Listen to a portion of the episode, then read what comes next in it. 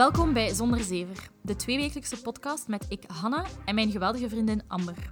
Zonder Zever is dé podcast over maatschappij en welzijn die jou zal helpen de touwtjes in eigen handen te nemen. Elke aflevering nodigen we een expert uit die ons zal verdiepen in onderwerpen waar we allen elke dag mee geconfronteerd worden. Niets is taboe en alles is no-nonsense verteld. Vandaag hebben we het over diversiteit, een onderwerp dat steeds aan belang wint en krijgt, en terecht, en dat onszelf heel nauw aan het hart ligt. Uh, hoe komt het dat we nog altijd te maken hebben met systemische ongelijkheid? Wat kunnen we doen om onze maatschappij inclusiever te maken? Ook al springen veel organisaties op de kar, er is wel nog wat werk aan de winkel. Ja, en samen met ons duikt niemand minder dan Hanan Chalouki in diversiteit, superdiversiteit en inclusiviteit. Hanan stampte reeds twee succesvolle ondernemingen, Muslim en Alliance, uit de grond en startte zelf haar succesvolle podcast Wat Zij Wil. Ze is specialiste in inclusieve communicatie en gastdocenten aan Odyssee. En boardmember van de Belgian Association of Marketing. We zijn echt heel vereerd om Hanan in onze studio te hebben om hierover te praten. Welkom, Hanan. Wauw, wat een intro. Hallo. een zeer verdiende intro, zou ik zo zeggen. Dankjewel. Um, Hanan, um, je hebt nog een gaatje in je agenda gevonden. Merci daarvoor. Heel graag gedaan. Welkom ik ben super, het, uh... super blij dat je in Gent geraakt. Ja, wel. Welkom in Gent. Um, we hebben het in de intro gehad over superdiversiteit. Kan je uh, heel even kaderen wat dat juist wil zeggen? Ja, zeker. als mensen denken aan diversiteit, dan denken ze heel vaak in de eerste plaats aan etnische diversiteit. En superdiversiteit gaat eigenlijk over het feit dat diversiteit veel breder is dan enkel etniciteit. Dus we leven vandaag in een samenleving Um, die gevormd is onder andere door migratie, maar waarbij dat we steeds vaker ook andere dingen qua identiteit in vraag stellen. Denk maar aan uh, eh, LGBTQ-communities, uh, eh, denk aan uh, hoe dat we nadenken steeds meer over gender en hoe dat we shiften binnen een bepaalde spectrum. Um, maar superdiversiteit gaat eigenlijk over het feit dat al die verschillende elementen leeftijd, seksuele geaardheid, uh, economische klasse, um, religie, dat die elkaar ook op verschillende vlakken kunnen kruisen. Dus bijvoorbeeld vroeger, als we spraken over diversiteit, dan zeiden heel veel mensen, oh, de Marokkanen, de mhm. Turken, maar uiteraard, hè, iemand uit Antwerpen die hoog opgeleid is, van Marokkaanse origine is, 25 jaar, is niet dezelfde persoon als een 65-jarige arbeider uit Brussel die ook van Marokkaanse origine is. Dus superdiversiteit gaat eigenlijk over het erkennen van mensen um, in alle identiteitselementen die ze dragen en de manier waarop ze die combineren. En ligt dat dan aan het feit dat... Uh, ja, we zijn hier al, al, al bezig met in-depth vragen en zo. Ligt dat dan aan het feit dat, um, ja, heel cru gezegd, een, een huidskleur of een uiterlijk kenmerk vaak het eerste is wat mensen zien? Ja, tuurlijk. Het is, het is iets wat heel visueel is. Hè. Het is hetzelfde als iemand bijvoorbeeld met een fysieke beperking, hè, iemand in een rolstoel of iemand die mhm, blind is. Um, dat gaat veel sneller opvallen dan andere identiteitselementen. En dat is ook de reden dat, er vaak, dat dat de eerste dingen zijn waar we naar kijken. Hè. Het is heel opvallend. Um, maar we mogen niet vergeten dat mensen divers zijn op heel veel vlakken. Ja.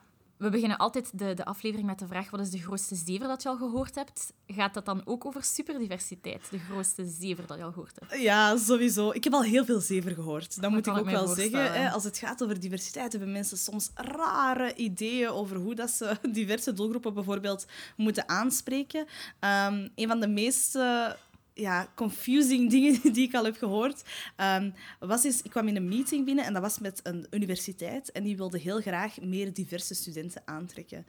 En I kid you not, een van de mensen dus zegt op dat moment, zeg, we gaan op ons volgende recruteringsevenement voor wat Marokkaanse koekjes en muntthee zorgen. Dan gaan we volgens mij wel meer diverse studenten aantrekken. En op dat moment had ik echt zoiets van... Hoe, hoe reageer je daar dan op? om te beginnen moet je je lach inhouden. Oh my God. moet je echt je lach inhouden op zo'n momenten. En ik heb dan gewoon gezegd van, ja, kijk... Ik, ik pak dat heel diplomatisch aan. Hè. Dus ik zeg dan van, ja, mm, als je minder diverse studenten aantrekt, dan zal dat misschien niet zo zijn, omdat er geen koekjes waren voordien. Oh, nee. Dan zal dat aan andere dingen liggen. Misschien moeten we eens eerst kijken naar, oké, wat zijn de uitdagingen en hoe kunnen we daar een antwoord op formuleren voordat we rare dingen beginnen voor te stellen. Maar zo van die zaken heb ik al heel vaak gehoord. Maar dat is... Uh... dat is pijnlijk ook gewoon. Ja, dat want dat is echt zo. Mensen lokken met eten. Dat is ook eerlijk Mensen lokken met eten. ja, dat is echt zo. Mensen hebben van die rare redeneringen als het gaat over diversiteit. Wij denken allemaal dat wij heel veel weten over andere mhm. mensen en hoe dat ze leven en wat dat ze belangrijk vinden. Maar heel vaak is dat gebaseerd op vooroordelen en weten wij juist niks. Ja, dat is waar. En is dat ook daarom dat je dan ook gedacht hebt van oké, er moet echt wat meer inclusieve communicatie zijn gewoon. Ja, zeker. Ehm, ik heb zelf communicatiewetenschappen gestudeerd. En ja, ik studeerde af. Ik wou heel graag iets doen in media of, of binnen de communicatiesector of in de reclamewereld. Maar een van de eerste dingen die mij opvielen was, ja, deze industrie is helemaal niet divers. En je moet eens een marketingbureau binnenstappen. Heel veel van die mensen lijken ook echt allemaal op elkaar. Zelfde soort profielen, zelfde soort achtergronden, interesses. Het probleem is dat je dan heel vaak van die clubjes gaat krijgen. Um, en dat zijn ook allemaal mensen die bezig zijn met reclame, met communicatie. Dus je ziet die weerspiegeling, dat, dat gebrek mm. aan diversiteit, dat zie je ook in de communicatie en media rondom ons. Um, en daar wou ik heel graag verandering in brengen, omdat ik ja, ik herkende mezelf ook totaal niet in, in reclame of in programma's. Ik vond het heel moeilijk om dingen te vinden die representatief waren of inclusief waren. En daar wou ik dan eigenlijk ja, zelf verandering in brengen. Dus het is ook gekomen uit een frustratie omdat je, omdat je jezelf daar niet aan herkende. Ja. Um, ja. En welke problemen wilt je nu eigenlijk echt oplossen met die inclusieve communicatie? Wat zijn zaken waar je vaak tegenaan botst? Um, ik denk het feit dat heel veel mensen niet weten wat diversiteit juist betekent, is al een hele grote uitdaging. Hè? Um, zoals ik al zei, we vertrekken heel vaak vanuit vooroordelen of vanuit bepaalde ideeën om te communiceren of om iets te creëren. Um, en dat werkt gewoon niet. Dus dat is al een heel grote uitdaging. Echt gewoon een gebrek aan kennis mhm. over diversiteit binnen onze samenleving. Uh, maar ook, er wordt heel weinig um, overlegd met doelgroepen. Er wordt zelden gedacht van, oké, okay, laat ons eens met mensen aan tafel zitten en ontdekken wat wel werkt, wat niet werkt, hoe we het beter kunnen doen. Um, en het zijn eigenlijk die problemen die ik echt wil oplossen door eigenlijk de kloof tussen iedereen die aan het communiceren is en de ontvangers te dichten. Ja, en wat voor impact kan dat dan hebben? Oh, zoveel, zoveel. Zo'n mooie impact. Eh, ja, natuurlijk, het eindresultaat is een, een wereld waarin dat inclusieve communicatie de standaard is. Waarin dat ik niet meer hoef te spreken over inclusieve communicatie, maar gewoon communicatie. En dan gaat het mhm. over veel meer representatie, vertegenwoordiging in televisieprogramma's, ja. Ehm, in, in wat we zien op onze zenders, maar evengoed in reclame, in andere beeldvorming. Um, en dat mensen veel meer betrokken worden. Dat is eigenlijk het, het dat is de end goal. Dus dat is ook het doel van uw, van uw bedrijf? Allee, of uw vorig bedrijf, want je hebt het verkocht. Ja. Uh, toch? Of niet? Je hebt het... Je hebt informatie aan nee, nee, nee, nee, dat is oké. Ik zal even wat context schetsen, want I know it's not easy. Um, dus eigenlijk, um, oorspronkelijk ben ik gestart met uh, Alien samen met mijn zakenpartner op dat moment, um, om dus daar verandering in te brengen, om inclusieve communicatie te introduceren. En dat is het agency Aliens geworden. Mensen spreken het uit als Aliens, uh, Alliance. Ik heb al van alles gehoord. Is dat al fout? Ja, maar geen zorgen. wij spraken het altijd uit als Aliens. en dat heb ik vijf jaar gedaan. En dat werkte supergoed. Maar ik merkte wel dat mijn ambitie groter was dan dat. Um, omdat ik niet geloof dat je de hele communicatiesector gaat kunnen veranderen vanuit één agency. dus er zijn, je kunt onmogelijk alles doen. En je moet samenwerken met anderen om hun communicatie beter te maken. Um, en dan zat ik zo'n beetje aan mijn plafond en voelde ik van, oh, het kriebelt om mhm. andere dingen te doen, nieuwe partnerships op te zetten en eens te kijken van, oké, hoe kun je inclusieve communicatie naar een ander niveau tillen. En daar ben ik nu mee bezig. Superleuk. Ik, ik voel mij even super slecht over het feit dat je zegt van... Ja, maar ja, en uh, ik was aan mijn plafond en dacht ik van... ik wil twee bedrijven op Ja. Nee, dat bedoel ik niet zo. Ik wil zeggen, nee, nee, nee, ik, wil, ik bedoel dat echt niet zo. Nee, nee, dat, dat kan ook heel arrogant overkomen. Nee, nee, nee, helemaal niet. ik wil eerder zeggen dat, dat het zo... U, u, laat ons zeggen, wat dat je kunt veranderen met, binnen één agency is redelijk beperkt. Mhm. Ehm, terwijl ik geloof, als je krachten kunt bundelen en kunt samenwerken met heel veel andere bedrijven om hetzelfde resultaat te bereiken, dat je daar veel sneller kunt geraken. Dat bedoel ik met mijn plafond. Maar super interessant. Ik ben wel benieuwd. Maar ik vraag me af, die inclusieve communicatie, als je dat nu praktisch aanpakt, ja. hoe doe je dat dan? Uh, het eerste wat ik doe altijd is de uitdagingen in kaart brengen. Dus dat gaat over, oké, waar ligt het probleem hier, basically? Um, je hebt soms reclamecampagnes die ehm, waarvan dat de, de makers echt schrikken dat die geen divers publiek bereiken. Omdat ze, qua beeldvorming zit het helemaal goed. Het is een heel divers beeld. Er zijn verschillende mensen betrokken bij de campagne.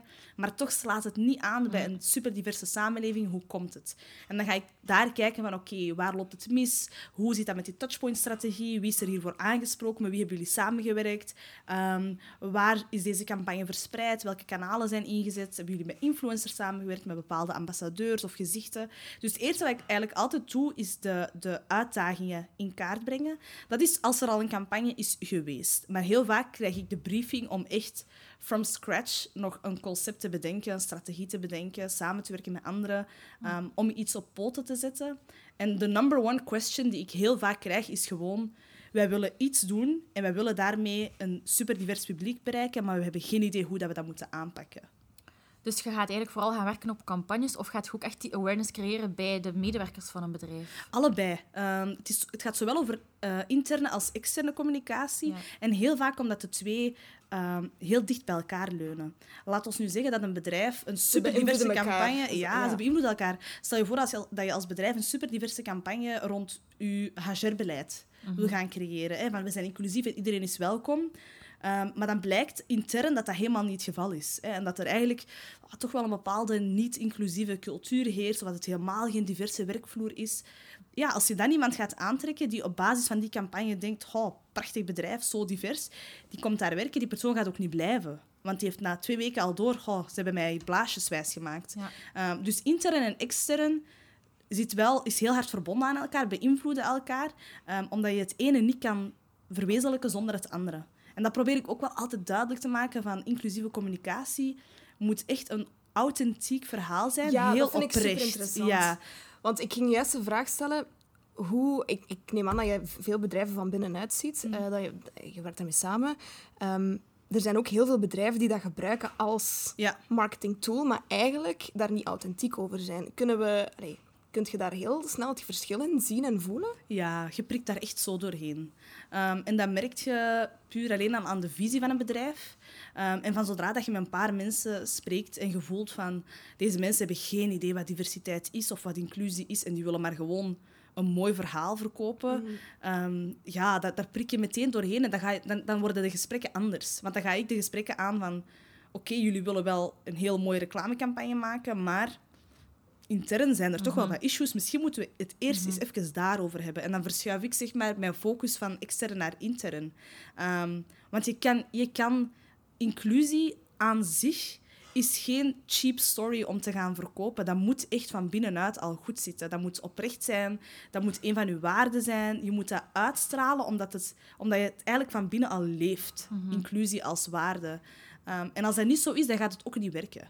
Een bedrijf dat zichzelf als super inclusief verkoopt naar de buitenwereld toe, maar dat niet is, valt zo snel door de mand. En die fails, oh, die fails achteraf op sociale media, dat is echt hilarisch om te zien. Zo'n campagne waarvan je denkt, oei oei, dat hadden we niet moeten doen. Ja, nu gaan we gewoon de onvermijdelijke vraag stellen. Een voorbeeldje van geven. Goh, wacht, even een van de laatste dingen waar ik aan denk. Bijvoorbeeld met het hele Black Lives Matter verhaal. Hè. Dat was heel trendy. Ja. Ehm, en dat is verschrikkelijk wat daar gebeurt in de Verenigde Staten. Wat trouwens ook, ook eh, hier gebeurt. Ehm, maar toen dat, dat heel hard daar begon op te leven, met alle protesten van die, zijn heel veel merken mee op die kar Ja. gesprongen. Om maar een voorbeeldje te geven, L'Oréal was daar één van. En die, die plaatsen een post ehm, op hun Instagram met eh, Speaking out is worth it. Nu, wat zijn mensen niet vergeten, is in 2017 heeft ehm, L'Oréal een zwart transgender model ontslagen, Ja. omdat zij letterlijk een post had gemaakt Ja. op haar sociale media over racism, white privilege, dat ze zich niet altijd aanvaard voelt in deze samenleving om wie dat ze is. L'Oréal heeft haar op dat moment ontslagen, vond haar te politiek, eh et cetera. En dus ja, de eerste die nu op die post van Black Lives Matter heeft gereageerd, is dat model dat zegt van... Ah, ja, Oei, maar maar dat is de beauty even. of the internet, Ja. hè? voilà. Speaking out is worth it. Maar toen ik het deed, ben ik er wel mijn job door kwijtgeraakt. Er is heel veel is heel backlash opgekomen. Natuurlijk, ja, L'Oréal heeft dat ook wel daarna slim aangepakt. Zij hebben dat ontslagen model aangeworven als hun nieuwe diversity leader. Hopelijk om die fouten in de toekomst te vermijden. Maar inderdaad, internet... Mensen vergeten niet. Nee. Mensen vergeten echt niet en je kan niet zomaar iets gaan communiceren en doen alsof dat alles wat in het verleden is gebeurd, dat dat nooit gebeurd is. Dat, dat werkt zo niet. Mensen onthouden dat echt wel. Ja. Zeker diversity fails, omdat dat iets is wat heel persoonlijk is, heel dicht bij u ligt, Ja. dan, dan laat je dingen niet zomaar passeren. En zeker omdat de samenleving ook zo divers is. Hè. En daarom wil ik even inpikken op iets dat je zei. Je zei van... Als je soms met mensen babbelt, dan weet je gewoon van... Die weten niet wat diversiteit is en wat Ja. inclusiviteit is. Maar ik vraag me dan af... We zitten in zo'n diverse samenleving. Waarom snappen die mensen dat niet? Oh, ik, ik, ik, ik begrijp uw vraag perfect. Hè? Ik begrijp dat perfect. En we zitten inderdaad in een heel diverse samenleving, maar veel mensen zitten niet in een diverse omgeving. Nee, die zitten in een bubbel zo. Allee, Ja, als jij in een dorp woont, laat ons zeggen nu echt even heel extreem, een of ander boerendorp ergens op de buiten, ehm, en uw vijf vrienden zijn allemaal de mensen waarmee dat je bent opgegroeid en die je al eh, 20, 30 jaar kent. Ehm, en dat, zijn, dat is uw leefwereld. De mensen die om u zijn, zijn uw leefwereld. Die zijn allemaal hetzelfde, die zijn totaal niet divers. En het enige wat je hoort over diversiteit is als je het 7 uur journaal opzet en ene issue na het andere, het ene conflict na Ja, het het is andere. allemaal negatief. Tuurlijk, dat Ja. is allemaal negatief. En uw beeld over diversiteit wordt zo hard beïnvloed door alles wat er rondom ons gebeurt. En je kan dat relativeren als je zelf ook in een heel diverse omgeving zit. En als je daar conversaties over kunt aangaan hè, en, en vragen kunt stellen aan andere mensen. Maar heel veel mensen begrijpen niet wat diver- diversiteit is, omdat het dan weer niet in hun eigen omgeving Een zit. beetje bang van het onbekende. Tuurlijk, onbekend maakt onbemind. Hè. Dat, is echt, eh, dat is echt wel zo. En wat zijn dan de acties dat we bijvoorbeeld zouden kunnen ondernemen om ervoor te zorgen dat mensen ja, diverser gaan nadenken of daar eerder voor gaan openstaan? Um, i- iets dat ik altijd mensen aanraad, is om zich heel bewust te zijn van hun unconscious bias. Van de onbewuste vooroordelen die in hun hoofd leven. En dat kun je heel simpel testen door gewoon zo een zinnetje te zeggen en zo eens aan te vullen. Bijvoorbeeld, eh, vrouwen die parttime werken zijn... Ik weet niet. Heel veel mensen, vooral mannen, antwoorden daarop met lui. Niet ambitieus. Echt waar, ja, ja. En dat zijn heel simpele zinnen. Ik, eh, we hebben die Ja. ooit eens gebruikt eh, voor een campagne voor eh, BNP Paribas. Ehm, en dat zijn heel simpele zinnen die, als je die aanvult, ja, dan denk je al van, wow, we zitten eigenlijk met heel veel vooroordelen. Maar bijvoorbeeld ook ehm, mensen die ehm, al twintig jaar voor hetzelfde bedrijf werken, zijn Vastgeroest. vastgeroest. Ah, voilà. Zo van die dingen. Maar dat zijn, dat zijn vooroordelen. Dat hoeft niet zo te zijn. Ja. Maar dat zijn wel de beelden die we in ons Ja. hoofd hebben over vrouwen op de werkvloer. Over moeders die wel ambitieus zijn, maar totaal niet zo worden afgeschilderd. Dus Mhm. Ik denk altijd, als mensen zich in de eerste plaats al bewust zouden zijn van hun eigen vooroordelen. Absoluut, en dat wil niet zeggen, je moet niet ontkennen dat je ze hebt. We hebben ze allemaal. Hè, maar dat je er bewust van bent, dat je er niet naar handelt en dat je daar kritisch naar durft te kijken, dat is al een hele goede eerste stap. Ja, want eigenlijk gaat het... eh, je, hebt, je hebt daar juist gezegd, stap 1 is de uitdagingen in kaart Ja. brengen. Ik denk dat je dat perfect kunt internaliseren naar... Laat ik nu even zelf in kaart brengen, in, in mijn zelfreflectie, van... Wat denk ik eigenlijk over een bepaalde groep of Ja. een, bepaalde, ja, een bepaalde persoon? Ik, ik denk dat je het ook kunt testen als je bijvoorbeeld gewoon in het straatbeeld mensen ziet en dat je, dat je bijvoorbeeld iemand tegenkomt en dat je zo zegt van... Wat denk ik nu eigenlijk als eerste indruk over die Ja. persoon? Maar het ding is wel, uw indruk gaat misschien door de media ook vervormd worden. Tuurlijk, maar het blijft ja, en wel door alles, indruk. Hè? door alles, door je opvoeding, door wie dat je, Ja. met wie dat je omgaat, wat dat je ziet op sociale media. Ehm, Door je ik heb, studies ook. ja, je studies. eh, ik- alles wat dat je... Ik heb nog... ehm, ik weet niet of dat je de Social Dilemma al hebt gezien op Netflix. Hè? Dus Ah, dat die staat op mijn lijstje. Ah, wel, maar zeker doen. Maar dat, dat gaat dus over... ehm, ze, ze behandelen dan zo'n onderwerp waarbij dat we eigenlijk door het algoritme steeds weer herbevestigd worden in Ja. bepaalde messages. Ja. Dus ik zeg nu maar iets, allee, niet om het daarover te maken, maar links versus rechts. Dat je, dat je daar onvermijdelijk in die mallenmolen en in die dingen terechtkomt, waardoor dat je eigenlijk andere standpunten niet, niet meer Ja. ziet. En dat je echt heel bewust ermee moet bezig zijn om dan te kunnen zeggen van... Eigenlijk zou ik een keer de het andere standpunt moeten Ja. inlezen. En je dat wordt is alleen maar bevestigd in wat Ja. je al denkt en hoe dat je al Ja. leeft. En je denkt ook dat dat de standaard is. Hè? Voilà, en, en sociale media doen dat omdat, omdat ze... They don't care what's on the article. They care because you click. zit. voilà, en wat dat daar dan op staat, dat, dat is voor hen de grootste... Ja, I don't care. Maar dat, dat, doet er, dat doet superveel. hè. We zitten constant aan onze smartphone gekluisterd. Ja. En er, er worden ook constant, als je dan het eerste beste HLN-artikel openklikt, dan weet het ook wel hè, hoe laat het is. Ja, ik lees bewust niet meer. Eh, ja, nee. Ook ik- geen ook comments ik meer ook of niet. zo. Ja, comments. Allee, Ja. Ik ben Maar dat zijn zelf wel, ook als je die dan bezig. leest, ik kan echt snappen dat dat Ik echt kan pijn echt- kan doen. Ik kan, ik kan zo gefrustreerd worden. En ik zelf al. en Ik ben ja, iemand die ja, Ja, ja, niet van een, van een... In België dan toch niet van een diverse achtergrond komt.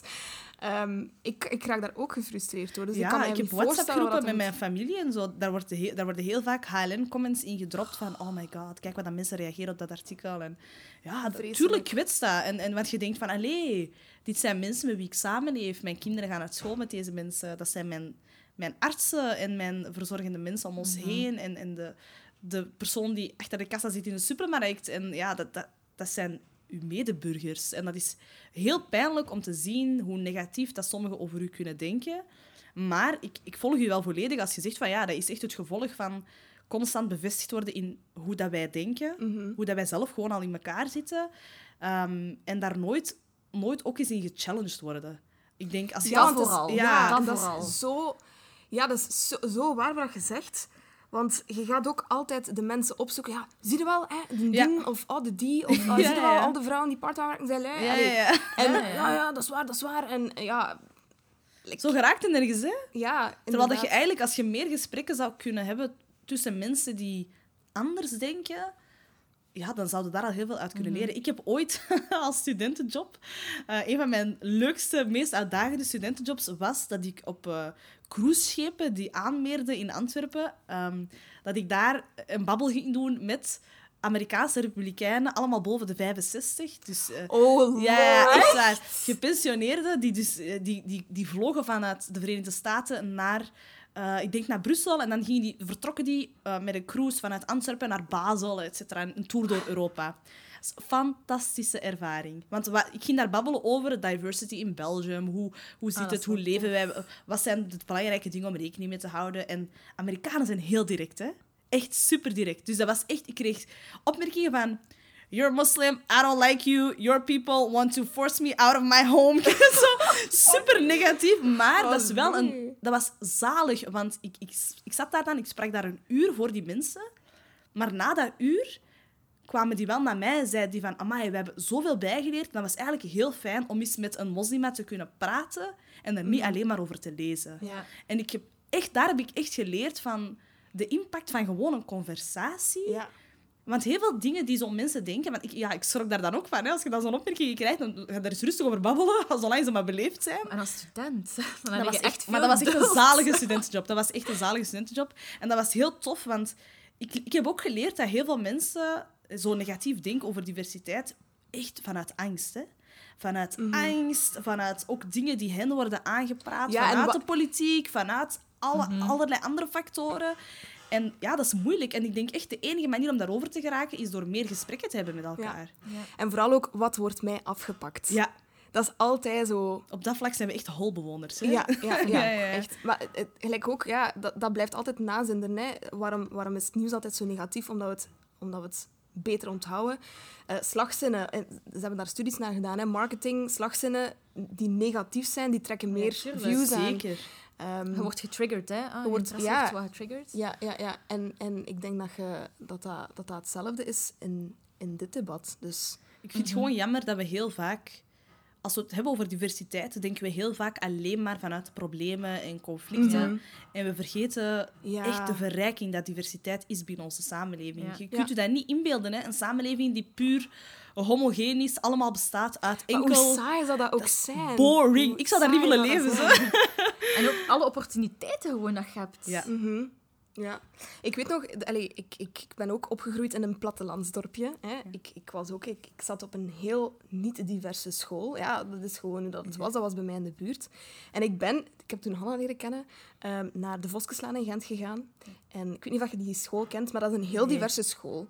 Ehm, en ja, dat was direct zo, ja, allemaal mensen van allemaal verschillende achtergronden. Ik vond dat fantastisch. En ik moet wel zeggen dat ik daar... Allee, ik, heb daar wel, ik heb daar wel deugd van gehad. Omdat, je, omdat je juist uit je bubbel gesleurd wordt.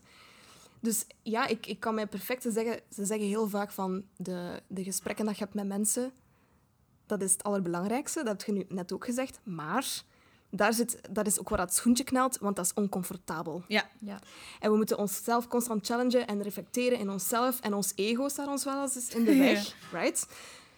Dus hoe, hoe doen we dat dan? Want ik wil dat zelf soms ook doen, zo in conversatie gaan. Maar dan denk ik van, ben ik niet een super dikke weirdo als ik nu ineens met, met de ene of de andere ga babbelen of zo?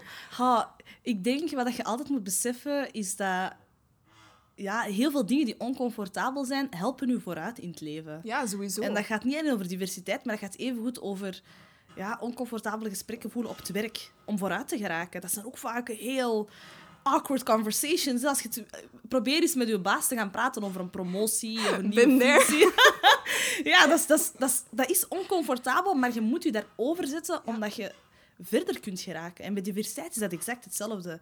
Ik, eh, ik, ik weet dat wij... We hadden een super divers team. En echt mensen vanuit alle achtergronden, met verschillende seksuele geaardheden, levensstijlen. En dat was zo verrijkend, want die lunchpauzes, alles kon daar worden besproken. En soms was dat heel uncomfortable. Echt heel uncomfortable. Ehm, om maar een voorbeeldje te geven, we hadden een, ehm, een illustrator als jobstudent die ehm, in een polyamoreuze relatie zat met twee andere vrouwen. En dat was super boeiend om daarover te leren. En ja, dat, dat zijn geen conversaties die je van de een op de andere dag gaat voeren, maar dat is je collega. Je leert elkaar kennen, je ontdekt waar dat de grenzen zitten van wat dat je kunt vragen en wat niet. Maar maar het, het, zij is vertrokken, zij was jobstudent, en zij is daarna vertrokken. En ze zei wel echt van... Er zijn weinig plekken waar ik zo hard het gevoel heb gehad dat ik mezelf kon zijn. Op alle vlakken. En dat wij ook gewoon gesprekken konden voeren over van alles. En zeker in het begin is dat niet gemakkelijk altijd. En dat kan heel, heel awkward of heel oncomfortabel zijn. Eh, maar ik probeer wel altijd uit te leggen aan mensen van... Dat is de enige manier om vooruit te geraken. En om- je moet je daarover zetten, want als je altijd alleen maar blijft bij wat dat je kent, hè, of omdat je, laat ons zeggen, onder de kerktoren bent geboren en opgegroeid en je wilt daar niet vooruit geraken, je wilt geen andere wereld leren kennen, dat is uw keuze. Hè. Dat, dat kan je perfect doen. Maar is het leven dan boeiend? Ik denk het niet. Voor mij persoonlijk helemaal niet. Ik denk dat je daar een heel interessant eh, topic aansnijdt. En dat is wat ik vaak merk als ik zo in gesprek ga over ja, wat. Het is niet omdat je van mening verschilt dat je geen respect kunt hebben voor Voilà. elkaar. En dat wordt zo vaak, denk ik dan, samengenomen van... Ik, ik kan u niet respecteren om uw mening, want ik, ik ben er niet mee akkoord. Ja. En, Maar maar, ieder zijn ieder zijn, ieder zijn ding. En zolang dat jij... You, you do Ja. you. Maar ik, ik heb wel alle respect en ik ga dat altijd wel proberen te begrijpen. Ook Ja. al lukt het soms niet. Ik denk dat dat vaak voorkomt bij ouders die bijvoorbeeld iets traditioneler zijn en dat de zoon of dochter zegt van ja, ik ben, ik ben homo, ik ben lesbisch bijvoorbeeld. Dat is, dat is ook in het begin heel moeilijk om te, om te aanvaarden waarschijnlijk, maar die doen wel... die- ik ben ervan overtuigd dat die enorm hard hun best doen om toch te kind, hè? proberen te begrijpen. Ja, Ja, voilà. ja. En ik denk dat wij over het algemeen zo met elkaar moeten omgaan in de samenleving. Ik denk, tot op een bepaald level moet je altijd met elkaar kunnen praten. En ik ben iemand, ik ben, ik ben heel open-minded. Ik kan gesprekken voeren over letterlijk alles. Als mensen mij iets willen uitleggen, dan sta ik daar altijd open voor. Ook al zou ik dat totaal niet begrijpen, ik wil altijd wel luisteren. Vanaf het moment dat het gaat naar scheldpartijen of eh, bedreigingen of eh, ja, dingen die gewoon niet eh, anti-mensenrechten zijn, dan, dan ga ik wel een stap achteruit Ja. zetten en dan hoeft het niet. Maar zolang dat we op een respectvolle manier met elkaar kunnen praten, standpunten kunnen delen ehm, en echt samen kunnen nadenken over iets, ah, met plezier. Ik vind dat, ik vind dat het Dat meest boeiende wat er is. Ja, ja. voilà. Maar wat ik mij ook afvraag is, dus, geeft je ook bijvoorbeeld soms tips aan mensen die bijvoorbeeld te maken hebben met die lelijke opmerkingen? Ja, hoe ga je daarmee Want, allee, ja, volgens mij moet dat moet echt extreem kwetsend zijn. Want diversiteit in al zijn facetten. Hè. Ik denk dat mensen vaak denken te veel aan diversiteit als eh, iemand die inderdaad uit Marokko komt. Ja, Terwijl dat echt over veel meer gaat. ja tuurlijk. Ehm, maar hoe kunnen die mensen daarmee omgaan? De mensen die echt getarget worden. Ik vind dat een heel moeilijke. Want dat hangt heel vaak af ook van je persoonlijkheid. ehm, en van ja, de mate waarin je daar tegen kunt. Niet iedereen is daar mentaal tegen bestand. Hè, Als, je, als je iemand bent, zeker die een stem, in, stem wordt in het publieke debat, of die regelmatig op sociale media actief is, of, en je krijgt heel van die haatreacties binnen, dat is gewoon zo, dan moet je voor jezelf bepalen wat de beste strategie is. Als je Ja. iemand bent die elke dag de energie heeft om die strijd aan te gaan, chapeau. En je wordt daar gelukkiger van of je voelt je daar sterker en beter door, doen. Maar als je iemand bent die, die dan gewoon even alles wilt uitschakelen en een paar dagen niemand wilt horen, dan moet je dat ook doen. Ik vind vooral dat mensen in de eerste plaats voor zichzelf moeten zorgen. Haatreacties, dat kan echt... Mensen beseffen soms niet wat voor een impact dat, dat kan hebben op je. ja, en dat is niet alleen online, dat is ook in real life. Hè. Eh, je, stapt over, je wandelt over de straat, je wandelt voorbij een café of op het terrasje en mensen roepen dingen. Ik heb nog nooit... ik heb dus nog nooit in mijn leven de behoefte gehad om iets te roepen naar iemand. Ja. En dan denk ik zo van... Waarom, waarom Dat is doe echt jij- het onbekende. Waarom doe jij dat? Waarom? Zijn jij Mensen, echt mensen hebben frustraties en, en, dan- en, en projecteren die op anderen. Dat heb ik heel vaak gemerkt. Nee, ik, ik, ik, als vrouw worden soms wel een keer gecatcalled. Ja. Waarom... ik snap... Waarom... Ik zie je echt zo proberen te vatten wat er gebeurt in de hoofden van die mensen. Dat is hilarisch. Ik snap niet waarom dat je de behoefte hebt om dat te externaliseren. Het is al erg genoeg dat je het, dat je het, dat je het, Ja, dat je het hier- draagt. Dat je het Ja, in, ja, draagt en die haat en die frustratie. Ehm, is dat dan echt een copingmechanisme? Is dat dan echt een ego-probleem? Ik weet dat niet, maar ik heb daar dus nog nooit last van. Allee, ik heb ook een ego, hè, pas op. Hè. Maar ik heb, nog nooit, ik heb nog nooit last gehad van... Nu moet ik echt iets zeggen tegen een dien of de Ja, ja, maar mensen... ah, sommige mensen ja, leven echt van die haat. En die houden daar echt aan vast. En die gebruiken dat als ja, manier om bepaalde frustraties te uiten. En ik, ik, kan, ik snap dat ook niet. Hè. Ik ga ook niet random op straat naar mensen beginnen roepen. Maar sommige mensen doen dat wel. En je zou ervan verschieten hoeveel mensen. Krijg jij veel negatieve reacties of haatreacties? Oh, sommige periodes al meer dan andere, maar het gebeurt wel. Ehm, en ik weet nog dat iemand ooit eens tegen mij zei van... Ja, maar jij bent toch een succesvol ondernemer en je doet toch dit en dat en dat. En ik denk, ja, als ik op straat wandel, mensen zien dat niet. en dat maakt ook En niet uit. ook Je hebt ook emoties, hè? Ja, en dat maakt ook niet uit. Dat maakt ook niet uit. Het is niet omdat mensen eh, denken dat je succesvol bent, dat je daardoor ja, minder vreemd bent of minder anders bent. Dat is echt niet het geval.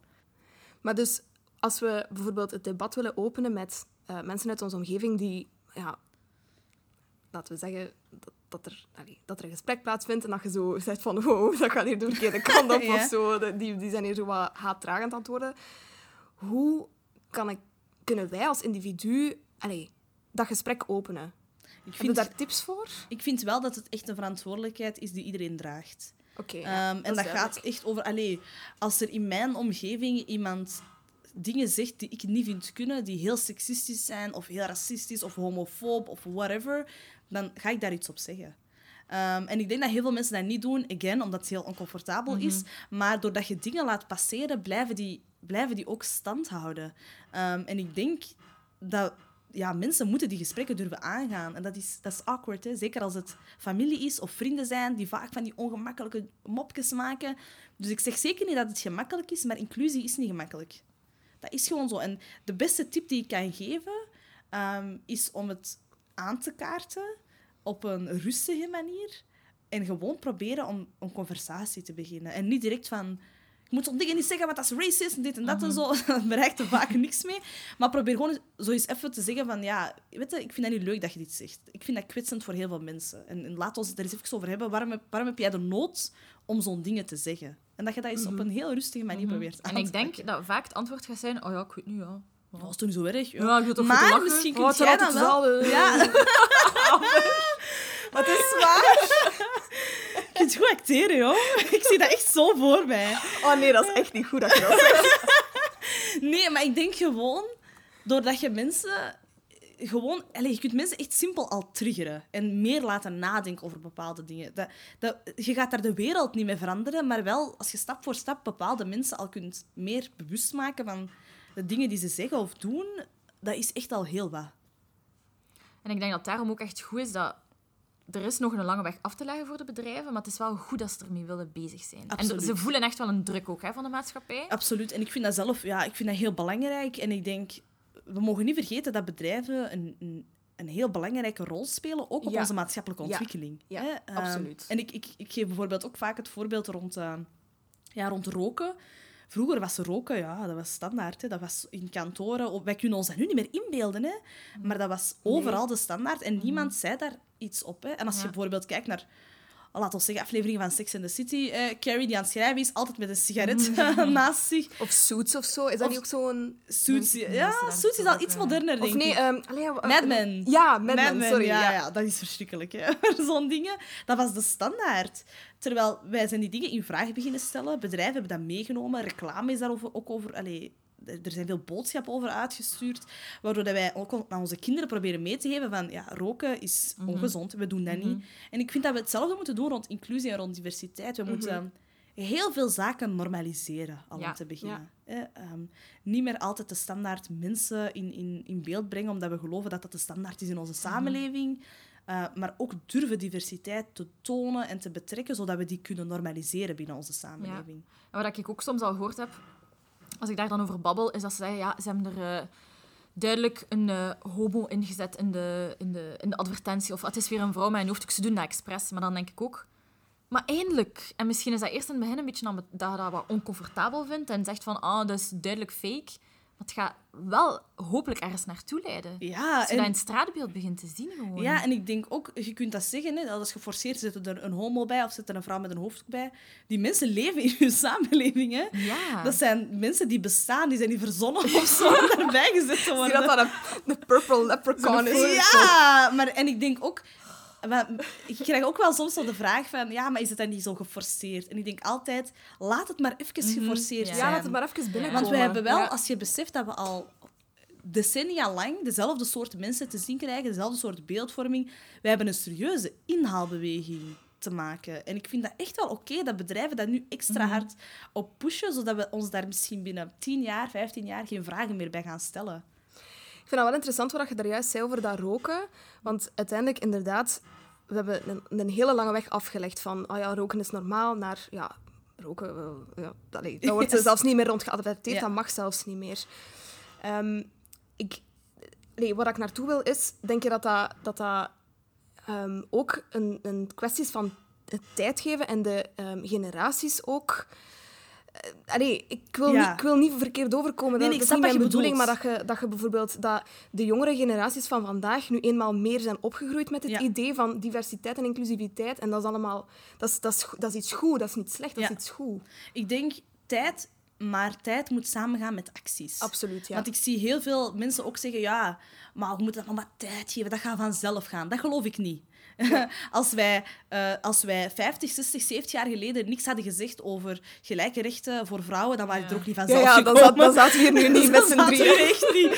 Snap je? Dus tijd, sowieso. We hebben dat nodig als samenleving om vooruit te geraken. Dingen hebben tijd nodig, maar moeten samengaan met de nodige acties. Die Ja, vanuit absoluut. verschillende facetten moeten komen. Dat gaat over de burger zelf, dat gaat over de politiek, media, maar ook vanuit de bedrijfswereld.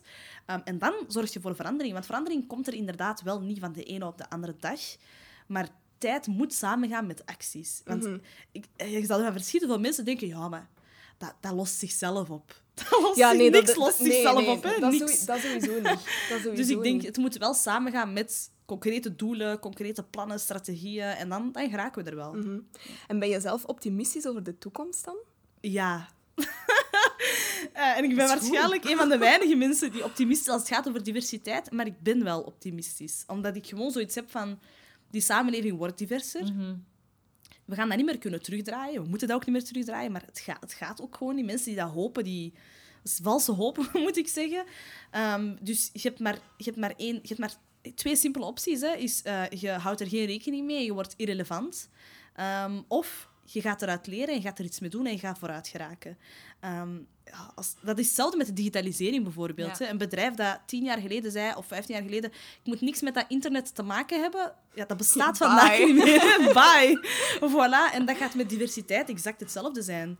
Ehm, dus ik ben zeker hoopvol, omwille van dat element, maar ook omdat het commercieel interessant is voor bedrijven. Ik ga daar niet, niet Ja. flauw over doen. Ehm, de business case for inclusion is heel belangrijk. En die case is er. Die ligt er. Daar zijn cijfers over. We weten allemaal dat diversiteit binnen bedrijven dat dat zorgt voor meer productiviteit, betere performance. Hetzelfde voor eh, inclusieve communicatie, een breder bereik, meer awareness, meer engagement, al die zaken. Meer engagement. Wauw, meer, more, meer engagement. Dus we weten dat het positief is, we weten dat het werkt. Ehm, en dat gaat ervoor zorgen dat heel veel bedrijven overtuigd worden. Hè? En, en ik, ik doe daar niet flauw om, omdat ik ook zoiets heb van... Als dat een argument is dat ons vooruit gaat helpen, doen. Dat interesseert mij niet of dat je als bedrijf uh, meer investeert in diversiteit omdat het je meer gaat opbrengen of omdat je een fantastische weldoener bent. Ja. Ehm, dat boeit mij niet, als het maar gebeurt en als we er maar door vooruit geraken. Zolang het een authentiek verhaal blijft en je gelooft daar echt in, dat is voor mij het belangrijkste. Het doel heiligt de middelen. Absoluut. Absoluut. Ehm, over ondernemingen gesproken, zoals we in het begin gezegd hebben, Hanan, heb je al twee succesvolle ondernemingen eh, opgericht. Wat is uw geheim? Ik slaap niet. Oeh, maar dan moet je naar de podcast luisteren over slaap. Ja, echt waar. Ik ben heel benieuwd naar die, naar die aflevering van jullie. Eh, wat is mijn geheim? Ik, heb, ik ben heel hard gedreven door een missie. Eh, als mensen mij vragen van, oh, waar haal je al die energie vandaan? Is het van... Dan zeg ik altijd van, ja, ik, ik ben echt... Mijn mindset gaat over dingen veranderen. Ik onderneem echt om zaken binnen onze samenleving te veranderen.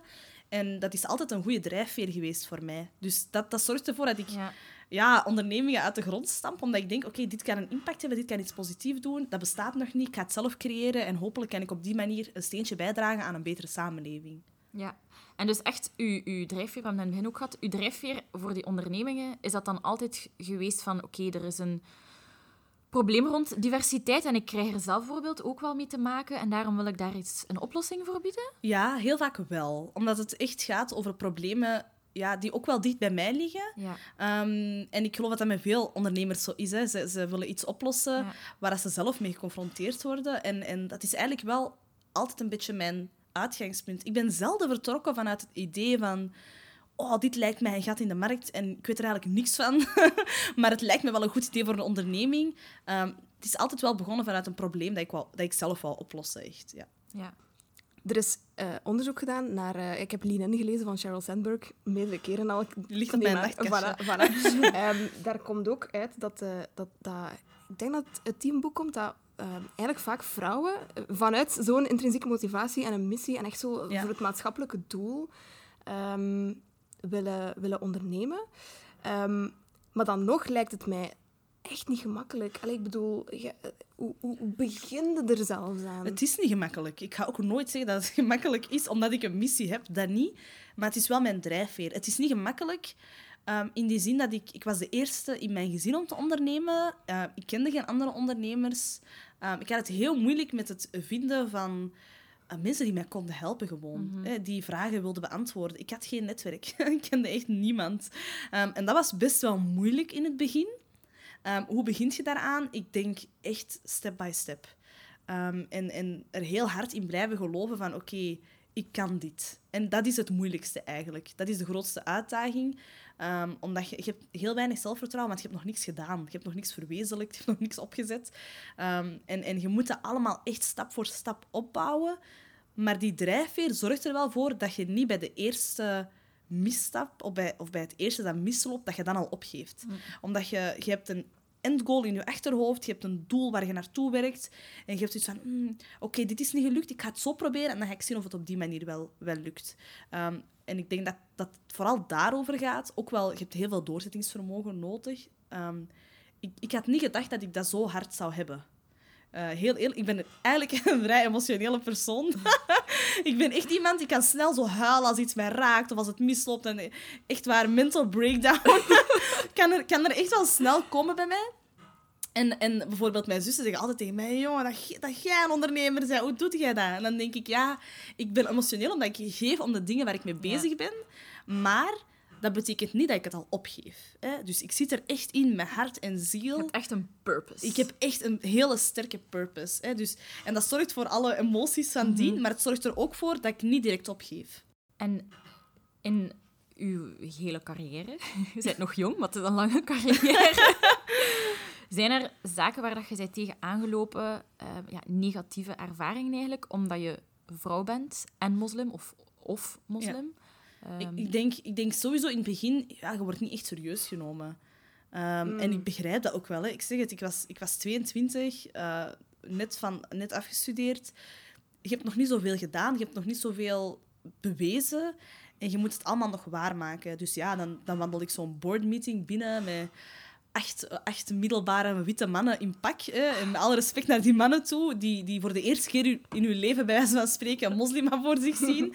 En zij komt dan uitleggen hoe zij moeten communiceren. Ja, dus je kunt je inbeelden dat dat ook in de heel oncomfortabele conversaties en situaties kan zorgen. Ehm, maar respect win je beetje bij beetje. En, zo, eh, ja. en je moet je gewoon echt erover zetten. En dat is heel moeilijk in het begin. Gigantisch imposter syndrome. Overal waar ik ging, ik dacht... Ik ben de grootste fraud die er is. Ehm, echt, Really? echt waar. Zo Suits, Mike, die zonder een diploma rechten advocaat aan het spelen is, zo voelde ik mij echt de eerste twee jaar minstens van mijn carrière. Ik had heel vaak het gevoel, ik ben hier dingen aan het verkopen die niet bestaan. En ook al weet ik wel in mijn hoofd hoe het werkt of hoe het kan werken, je moet nog heel veel opbouwen. Dus je bent heel vaak aan het vertellen en ideeën aan het delen en zo aan het aftoetsen van gaat dit werken, gaat dit niet werken. Maar daar hoort heel veel onzekerheid bij. Dat, dat, ja, dat is onvermijdelijk. Nee, ja, dat is waar. Maar ik denk wel dat je als vrouw, of als persoon die divers is, dat je het gewoon veel moeilijker hebt. Je Tuurlijk. krijgt veel minder kansen dan een blanke man. Ja, dat is zo. Dat is Ja. zo. Ongetwijfeld. Dat is, dat is niet Nee. eerlijk. Niet iedereen Nee. krijgt dezelfde kansen. Dat is Nee. sowieso niet rechtvaardig. Maar het is wel de harde realiteit waar dat we in leven. En ik geloof wel dat het met de tijd, naarmate dat er meer vrouwelijke ondernemers zijn, dat dat wel kan veranderen. Uh, maar gisteren bijvoorbeeld had ik, was ik op een evenement en had ik een gesprek met iemand die tegen mij zei van eh, de job waar ik werd aangenomen, ik werd daar keilang dingske genoemd. Niemand Oh. kende mij. Ik moest Nee. constant koffie zetten. Echt super denigrerend. En dat zijn gewoon dingen, ja, dat kan niet. Dat moeten wij veranderen. Ja, dat is er echt Maar ook, dan verlaat je gewoon dat bedrijf. Voilà. Nee, maar niet iedereen heeft die luxe om Ja. zomaar een bedrijf Ja, te ja, dat is waar, waar. dat En niet iedereen ja, heeft ook de, de, de, de...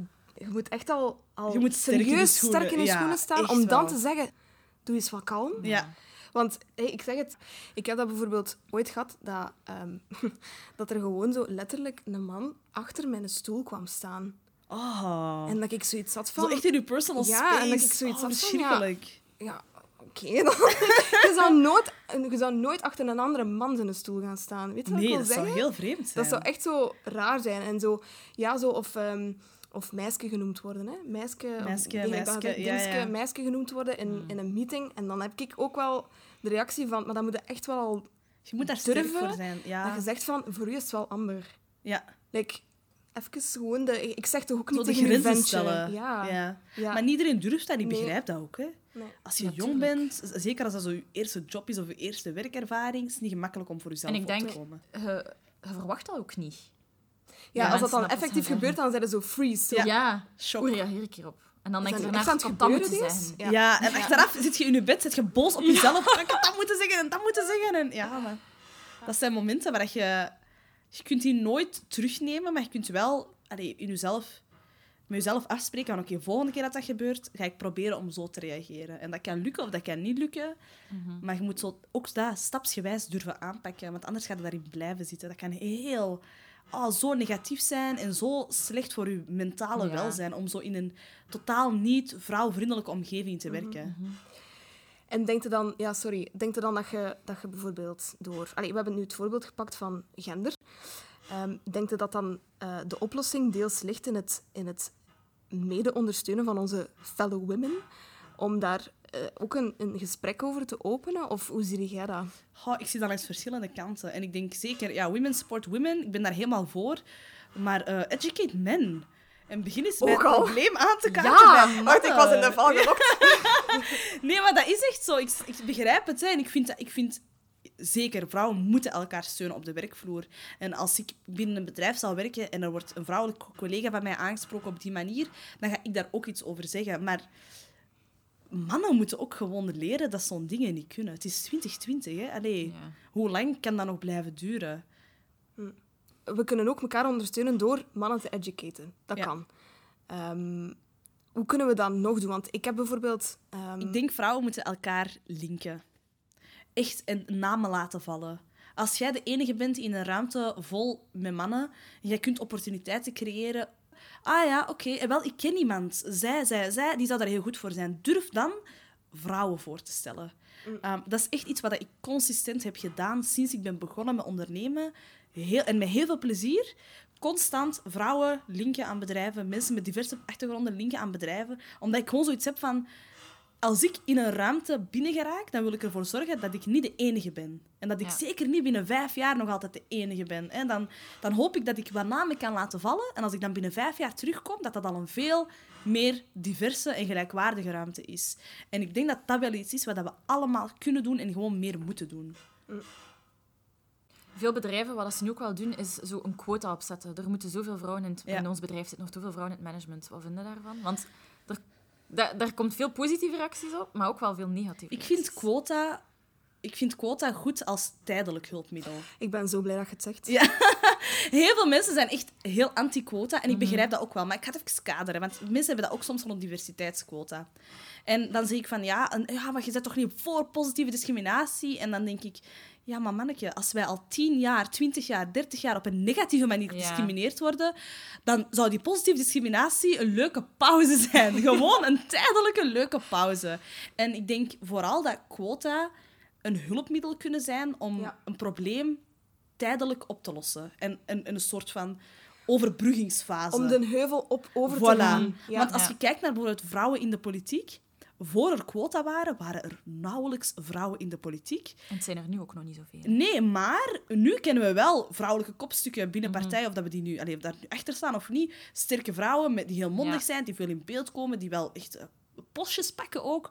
Omdat er een bepaald, op een bepaald moment een quotum is ingevoerd Even van... een eh, forceerd frinkske zo. Even Ja. forceren en hopelijk is dat binnen Ja. 10, 20 jaar niet meer nodig.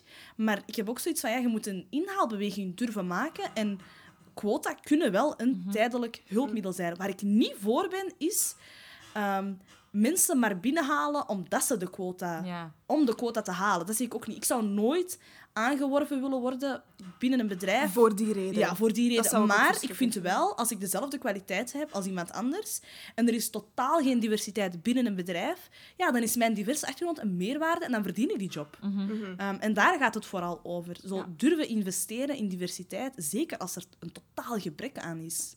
En dat is met gender exact hetzelfde. Mhm. Ik ben volledig akkoord. Ja. Super interessant, merci Hanan. Ehm, ik vond echt een zeer leuke, constructieve conversatie, die denk ik echt wel nodig is, eh, ook al is het 2020. Ehm, ik hoop dat we mensen geïnspireerd hebben en echt hebben laten stilstaan bij diversiteit en inclusiviteit. Laat ons zeker weten wat jullie vonden van de aflevering via sociale media of door een rating te geven aan deze podcast via Apple, iTunes of Google. Doordat we nog maar net bezig zijn, is het voor ons handig om eh, ratings te hebben om in de charts terecht te komen. Ehm, volg ons ook zeker op Instagram of Facebook via @zonderzever om op de hoogte te blijven van nieuwe afleveringen. En als je jou inschrijft op onze nieuwsbrief via zonderzever.com, kunnen jullie extra informatie en tools ontvangen over het onderwerp. En dan voor de rest, luister zeker naar Hanna, haar podcast Wat Zij Wil Ook. Dat is een heel inspirerende en aangename podcast om naar te luisteren, met ook topgasten. Ehm, en volg haar op Instagram, uh, Hanan Ehm, en we zetten dit allemaal nog even in de show notes ook. Hanan, ehm, dikke merci om tot hier te komen. Heel graag gedaan. Eh, ik vond het echt super Ja. verrijkend. Ehm, we zijn blij dat je er was. En ehm, voilà, merci om te luisteren en tot snel. ja, Bye. zeker. Tot snel.